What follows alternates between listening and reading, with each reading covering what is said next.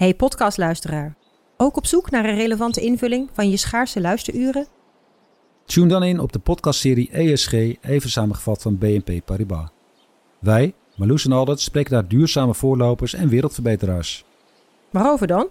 Nou, bijvoorbeeld of we ooit duurzaam kunnen gaan vliegen. En waarom koeien in de stad nou een goed idee is? Dat en meer elke twee weken in een nieuwe aflevering. Dus abonneer je. ESG, even samengevat. Al 125 jaar kwaliteit voor jou thuis met Miele. Dat vieren we met jou. Ontvang nu tijdelijk een cashback tot 125 euro op veel Miele-apparatuur. Geniet van de kwaliteit van Miele. Voor perfect verzorgd wasgoed en kleding die veel langer mooi blijft. Voor een stralend schone vaat, even perfect als jouw diners. En een stofvrij thuis waarin echt hygiënisch schoon de standaard is. Check miele.nl voor alle feestelijke aanbiedingen.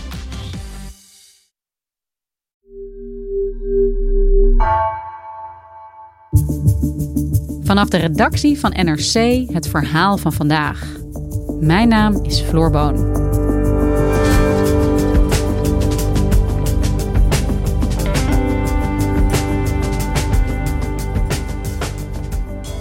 In 2013 reisde een man uit Arnhem naar Libanon. Hij verdween spoorloos en zijn familie bleef radeloos achter. Midden-Oosten-correspondent Melvin Ingleby onderzocht zijn lot en ontdekte dat de man jarenlang is gemarteld in verschillende Syrische gevangenissen. Het ministerie van Buitenlandse Zaken stelde zich jarenlang passief op. Wat is er met hem gebeurd?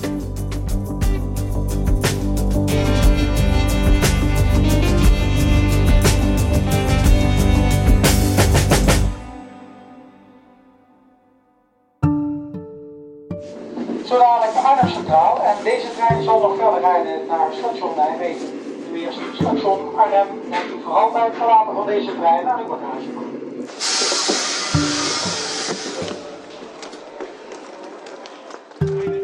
Ja, ik was afgelopen november op Arnhem Centraal. En ik had daar een afspraak met de broer van een man, eh, we kunnen zijn naam niet noemen, die sinds 2013 vermist is in Libanon en later in Syrië is beland. En het werd een hele moeilijke afspraak. Nou, ik had die broer gebeld en gezegd: Ik heb nieuwe informatie over wat er met je broer gebeurd kan zijn. En hij zei eigenlijk: Ja, ik, ik heb daar niet zo'n behoefte aan. Wij, wij als familie wij horen al jarenlang informatie. En we worden telkens op het verkeerde been gezet. En, en we weten niet meer wat we moeten geloven. Dus uh, ik wil ook eigenlijk liever niet met je praten. En ik zei: Nou, het is echt heel belangrijk. En hij zei: Ik wil, ik wil je niet ontmoeten tenzij je me kunt vertellen of mijn broer dood is. En toen bleef het stil en toen zei ik, ja, ik, ik vind het verschrikkelijk je dit over de telefoon uh, te vertellen. En ik wil je alsnog graag in persoon ontmoeten, maar uh, ik heb inderdaad het uh, sterke vermoeden dat je broer is overleden. Dus toen hadden we die ontmoeting, s s'avonds op Arnhem Centraal in een koffietentje eerst. Daarna werden we uitgegooid vanwege corona-sluittijden en belanden we op een bankje voor de Burger King. En hadden we ja, een heel zwaar gesprek waarin ik hem heb uitgelegd uh, wat ik over zijn broer te weten ben gekomen. Dat klinkt afschuwelijk, Melvin. Maar jij bent ons Midden-Oosten-correspondent. Waarom breng juist jij een bezoek aan Arnhem om daar iemand dit soort verschrikkelijk nieuws te vertellen? Deze man die was vermist in Libanon en belandde dus in een Syrische gevangenis. En dat is wel mijn gebied. Dus ik heb heel lang onderzoek naar hem gedaan en ben erachter gekomen dat hij gemarteld is door het regime van Bashar al-Assad. En nog afgezien van het leed wat deze man heeft doorstaan en wat zijn familie heeft doorstaan, is dit ook een heel belangrijk verhaal, omdat dit het eerste bekende geval is van een Nederlands staatsburger die gemarteld is door het Assad-regime. En dat kan juridische gevolgen hebben.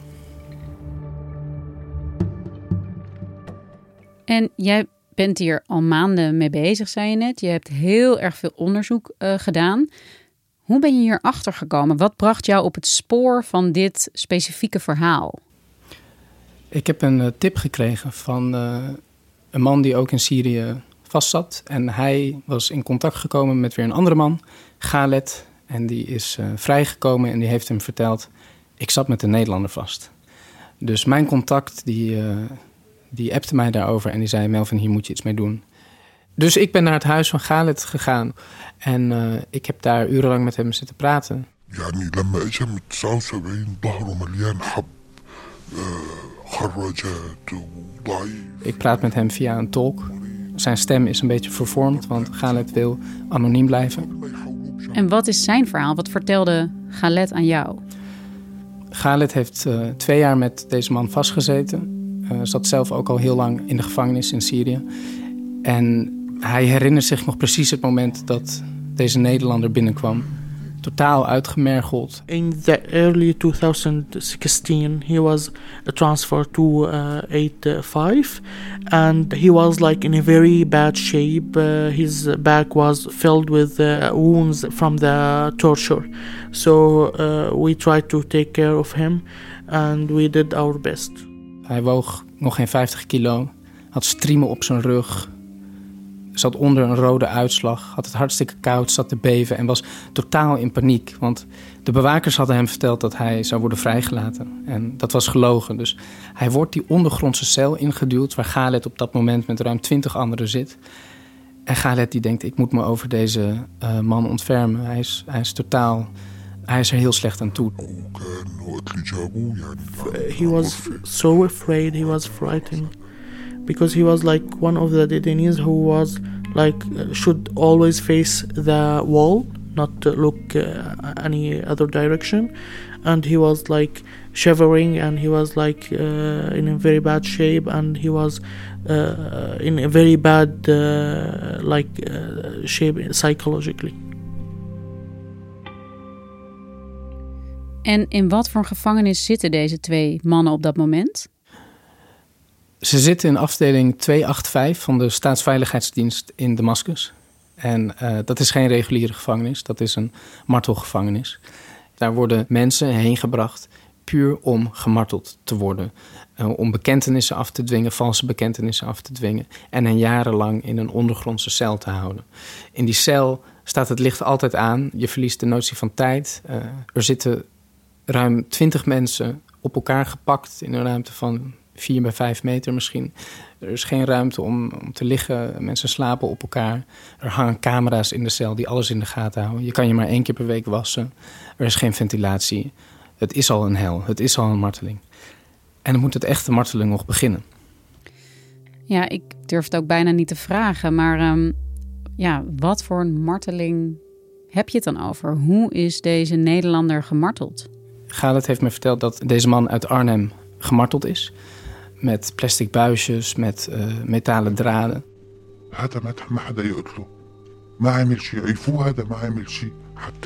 He was put on the floor, face down, and his legs uh, up, and he was he, he, was beaten up with uh, something like um, metal or something plastic, and uh, yeah, torture method, and he was like five hits, and he was start to shout and yell in, in, uh, in all his power. En dat in een afdeling waar hij eerder zat, afdeling 279, ze hem zo hard sloegen en hij zo hard schreeuwde dat op een gegeven moment uh, de bewakers opdracht kregen om te stoppen.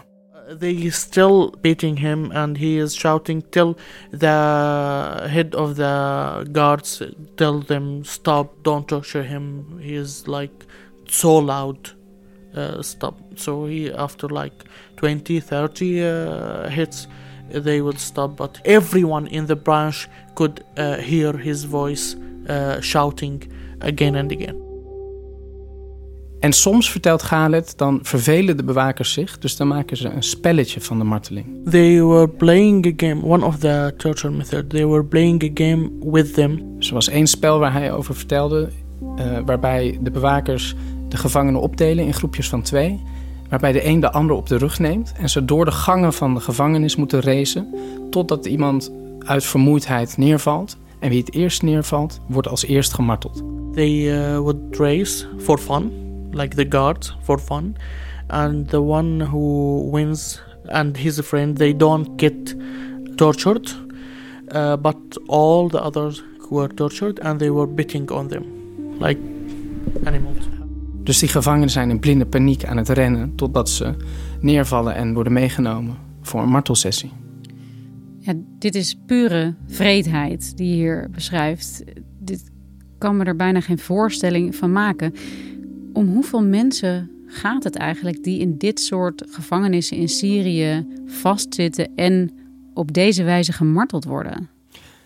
Het is heel moeilijk om precieze aantallen te geven. Het Syrische netwerk van de mensenrechten die stelt dat er 15.000 mensen zijn doodgemarteld in Syrië sinds het begin van de opstand in 2011. Volgens kenners ligt het werkelijke aantal nog hoger. Daarnaast zijn er 87.000 mensen nog altijd spoorloos verdwenen. Dus we hebben het echt over een uh, martelmachine, over een massamoord op industriële schaal. Ja, want hoe kwam deze Nederlander in een van die vreselijke martelgevangenissen van Assad terecht? Ja, daar heb ik ook lang onderzoek naar gedaan en het is nog steeds niet helemaal zeker. Er zijn twee versies. Op het eerste gezicht lijkt het aannemelijk dat hij naar Syrië is uitgereisd om te vechten tegen Assad. In Arnhem had hij uh, contact met mensen die ook zijn uitgereisd en zich hebben aangesloten bij uh, Jabhat al-Nusra, de Syrische tak van Al-Qaeda in Syrië. Hij had een stichting waar Koranlessen en Arabische les werd gegeven en die ook bezocht werd volgens de gemeente Arnhem door veel jongeren die later in beeld zouden komen bij de politie vanwege radicalisering. Sommigen zijn ook uitgereisd.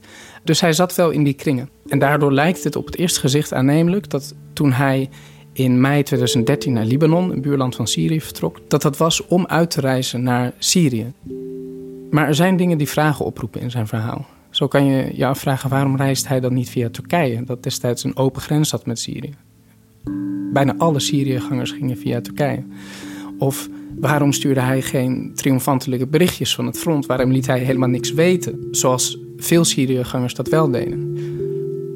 Deze man was op een gegeven moment gewoon spoorloos verdwenen. En dan komen we bij de tweede versie. En dat is dat hij in Libanon ontvoerd is door Hezbollah. Dat is een Shiïtische strijdgroep en politieke partij die een belangrijke bondgenoot is van het Assad-regime. En het verhaal is dat hij in Libanon was om boeken te kopen voor zijn stichting. Dat zeggen zowel de celgenoten als familie en vrienden in Arnhem. En dat hij volgens de celgenoten in de stad Tripoli was, in het noorden van Libanon. Daar waren toen straatgevechten gaande tussen voor- en tegenstanders van het uh, Assad-regime. Hij uh, vertrok weer en is later uh, door een taxichauffeur die hem verdacht vond... in een Hezbollah-wijk overhandigd aan Hezbollah. En dat kan snel uit de hand lopen. Dus die celgenoten zeggen dat hij ontvoerd is... en door Hezbollah elf maanden lang gevangen is gezet. En wat blijkt dat strookt precies met de timing van zijn arrestatie volgens het Rode Kruis. Die zegt ook, hij duikt in april 2014 in Syrië op en hij was in mei uh, eh, 2013 in Libanon. Dus in die tussentijd is het mogelijk dat hij vast zat bij Hezbollah. En ook een officier in het Syrische regime bevestigt dat Hezbollah hem heeft overgedragen. En dit is een verhaal dat jij hebt geprobeerd te verifiëren achteraf altijd ingewikkeld, zeker als je niet toegang hebt tot allerlei betrouwbare bronnen. Maar wat is jouw conclusie op basis van je onderzoek? Was hij wel of niet een uitreiziger? Nou, ik kan niet uitsluiten dat hij misschien die intentie had om uh, uit te reizen. Um, maar ik denk wel dat het verhaal van de ontvoering door Hezbollah ja, toch geloofwaardig is. De krant heeft uiteraard uh, Hezbollah de kans gegeven om te reageren, maar die antwoorden niet. Dus ik denk dat er in ieder geval iets heel goed is misgegaan. En ik betwijfel of hij uit eigen wil in Syrië is beland. Maar hoe dan ook, hij belandt daar. En hij komt vanuit Libanon in Syrië terecht, in een gevangenis. Um, hoe ben jij er uiteindelijk achter gekomen dat deze man daar ook is overleden?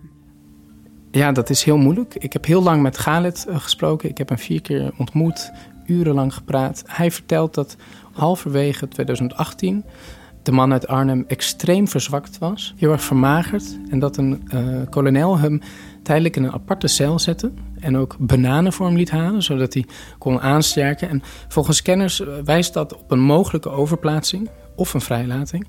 Maar wat er toen gebeurd is, is dat uh, op een dag um, de Arnhemmer de cel uit is gedragen, bewusteloos volgens Galet, en naar het ziekenhuis zou zijn gebracht. Althans, dat vertelde de celgenoten die hem naar buiten droegen en dat vertelde een bewaker later aan Galet toen hij naar de Nederlander vroeg. En Galet bleef maar vragen, waar, hè, waar is mijn beste vriend gebleven? En ehm, op een gegeven moment zei de bewaker... ja, die, die hebben we op een vliegtuig naar Nederland gezet. Dus toen hij dat vertelde, vroeg hij ook aan mij... kan dat kloppen? Ehm, maar dat, dat klopt niet. Uh, deze man is niet teruggekeerd. En hij zei, ja, dan vrees ik het ergste. Vervolgens heb ik uh, navraag laten doen in Damascus door uh, mensen die grote risico's hebben genomen. Alleen ik kan niet te veel vertellen over hoe ze navraag hebben gedaan, maar er is navraag gedaan in het ziekenhuis waar hij naartoe zou zijn gebracht, bij de registers van de Staatsveiligheidsdienst. En in het ziekenhuis was zijn naam nergens te bekennen. bij de Staatsveiligheidsdienst verscheen zijn naam wel in de registers, maar leek informatie te zijn verwijderd. En uh, ja, dan, dan ligt die informatie vermoedelijk alleen bij een hoger niveau uh, in het presidentieel paleis. Dus ja, ook daar heb ik uiteindelijk via via navraag kunnen laten doen. Door een persoon die uh, contact had met een hoge officier die daar werkte. En die hoge officier die bevestigt eigenlijk precies hetzelfde verhaal als dat van de celgenoten. Namelijk, die zegt, deze man is overhandigd door Hezbollah... zat achtereenvolgens vast in 279, 285. Alleen voegt hij er een nieuw eind aan toe, een gruwelijk eind. Hij is halverwege 2018 dus bewusteloos die cel uitgedragen, volgens Galet. En die hoge officier zegt dat hij negen maanden in afdeling 300 heeft gezeten. Dat is de antispionageafdeling. En dat strookt weer met de informatie van het Rode Kruis dat hij ook onder andere vanwege spionage verdacht werd. En daar zou hij in detentie zijn overleden aan een hartaanval. En dat is de term die het Assad-regime standaard gebruikt voor dood door marteling. Dus ik vermoed dat hij begin 2019 is overleden. En zo ben jij er, Melvin, achtergekomen hoe deze man op gruwelijke wijze aan zijn eind is gekomen via al deze tussenpersonen in Syrië. Um, en heb jij ook die broer in Arnhem moeten vertellen dat hij niet meer in leven is, naar alle waarschijnlijkheid. Maar ja, waarom jij, vraag ik me dan af. Ik bedoel, wist de Nederlandse overheid dit niet eerder? Uh, heeft het ministerie van Buitenlandse Zaken hier niet een rol in bijvoorbeeld? Ja, de overheid is eigenlijk heel afwezig in dit hele verhaal. Uh, het ministerie van Buitenlandse Zaken heeft zich vrij passief en weinig betrokken opgesteld. BZ staat dan ook voor een dilemma, want Nederland heeft geen diplomatieke banden met het Assad-regime. Dus het kan geen consulaire bijstand verlenen aan personen in Syrië. Juist omdat Assad burgers de dood inmartelt, onderhoudt Nederland geen banden met het regime. Maar er waren wel opties. Um, zo heb ik gesproken met de Roemeense ambassadeur in Damascus. Die kreeg een verzoek van de advocaat van de familie van... kan jij dan niet iets doen? En hij zegt, ja, dat kan, maar dan moet ik daar afspraken over maken met Nederland... en een schriftelijk verzoek hebben wat ik kan doorgeleiden. En daarop zegt BZ opnieuw, nee, dat komt voor ons neer op diplomatiek contact met het regime. En daar gaan we niet aan beginnen. Juist vanwege mensenrechten schendingen. Maar tegelijkertijd blijkt ook wel dat BZ ook vrij weinig empathie heeft getoond naar, naar de familie. En dat ze de urgentie van de zaak niet voldoende serieus hebben genomen. Zo is de familie pas vier jaar na de vermissing van de Arnhemmer uh, voor het eerst uitgenodigd voor een persoonlijk gesprek op het ministerie. En dat is ook negen maanden nadat BZ al wist dat hij in een Syrische cel zat. Nadat ze die informatie van de familie hadden gekregen. En ja, ook als je naar de schriftelijke communicatie kijkt, dan denk je hier is gewoon veel misgegaan. En dat erkent het ministerie ook tot op zekere hoogte. Die zeggen wij, wij betreuren dit, dat het zo gelopen is. En dat de communicatie als onvoldoende is ervaren. Ze zeggen ook dat het een spijt. En ze hebben de familie inmiddels uitgenodigd op het ministerie. Maar ja, die familie die, die, die zit daar volgens mij niet op te wachten. Die hebben zich echt in de steek gelaten gevoeld. En aan het begin, Melvin, had jij het over nou, een juridische mogelijkheid die zich hier voordoet. Uh, met de bevindingen van jou dat deze Nederlander, ja, zoals het er naar uitziet, waarschijnlijk is overleden uh, aan marteling in Syrië. Wat zijn die mogelijkheden? Wat kan Nederland nu juridisch beginnen? Ja, dat heeft twee kanten. Nederland heeft uh, in 2020 het Syrisch regime aansprakelijk gesteld voor marteling en nu er een Nederlands slachtoffer in beeld is, staat Nederland in dat proces sterker. Het kan nog jaren duren, maar het is mogelijk dat daardoor uiteindelijk de Syrische staat uh, zich moet verantwoorden voor een rechter. Tegelijkertijd is er het Openbaar Ministerie En die heeft rechtsmacht over de Arnhemmer, omdat het een Nederlands burger is. En dat betekent dat het OM in principe een onderzoek zou kunnen starten naar zijn folteraars als die in beeld komen. En dat onderzoek dat kan dan mogelijk leiden tot een zaak tegen het regime. En het zou de eerste zaak zijn tegen het Assad-regime in Nederland. En is zoiets ook kansrijk om ja, hier echt uh, daders te berechten die in Syrië dit soort uh, misdaden hebben begaan? Ja, dat is moeilijk te zeggen. Dat hangt van veel uh, zaken af, benadrukt het OM ook. Um, maar in principe zouden zijn folteraars ook bij verstek berecht kunnen worden als ze zich nog in Syrië bevinden. Dat heeft dan meer een symbolische waarde.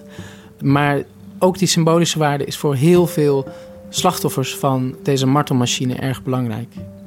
Galet, toen ik hem vertelde dat de Nederlandse overheid interesse in de zaak heeft, lichtte zijn ogen op. Hij zei: Oh, kan het dan misschien ooit tot iets van gerechtigheid leiden? Want ik wil voor ik sterf, die man is jaren gemarteld, ik wil voor ik sterf iets van gerechtigheid zien.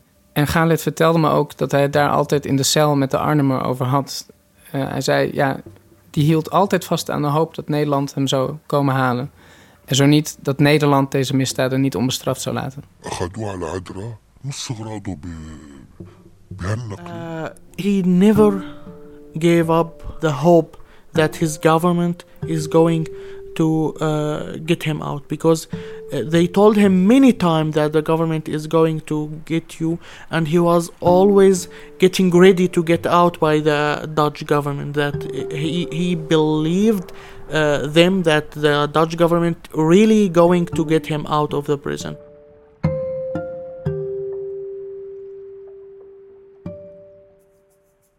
Dankjewel Melvin. Graag gedaan.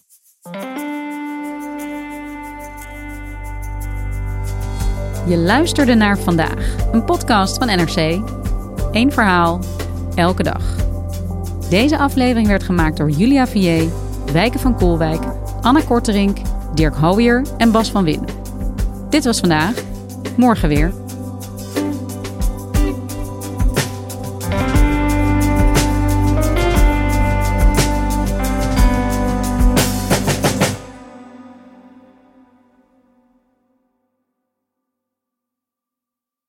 Technologie lijkt tegenwoordig het antwoord op iedere uitdaging. Bij PwC zien we dit anders. Als we de potentie van technologie willen benutten, kunnen we niet zonder een menselijk perspectief. Human-led, tech-powered noemen we dat. Ga naar pwc.nl.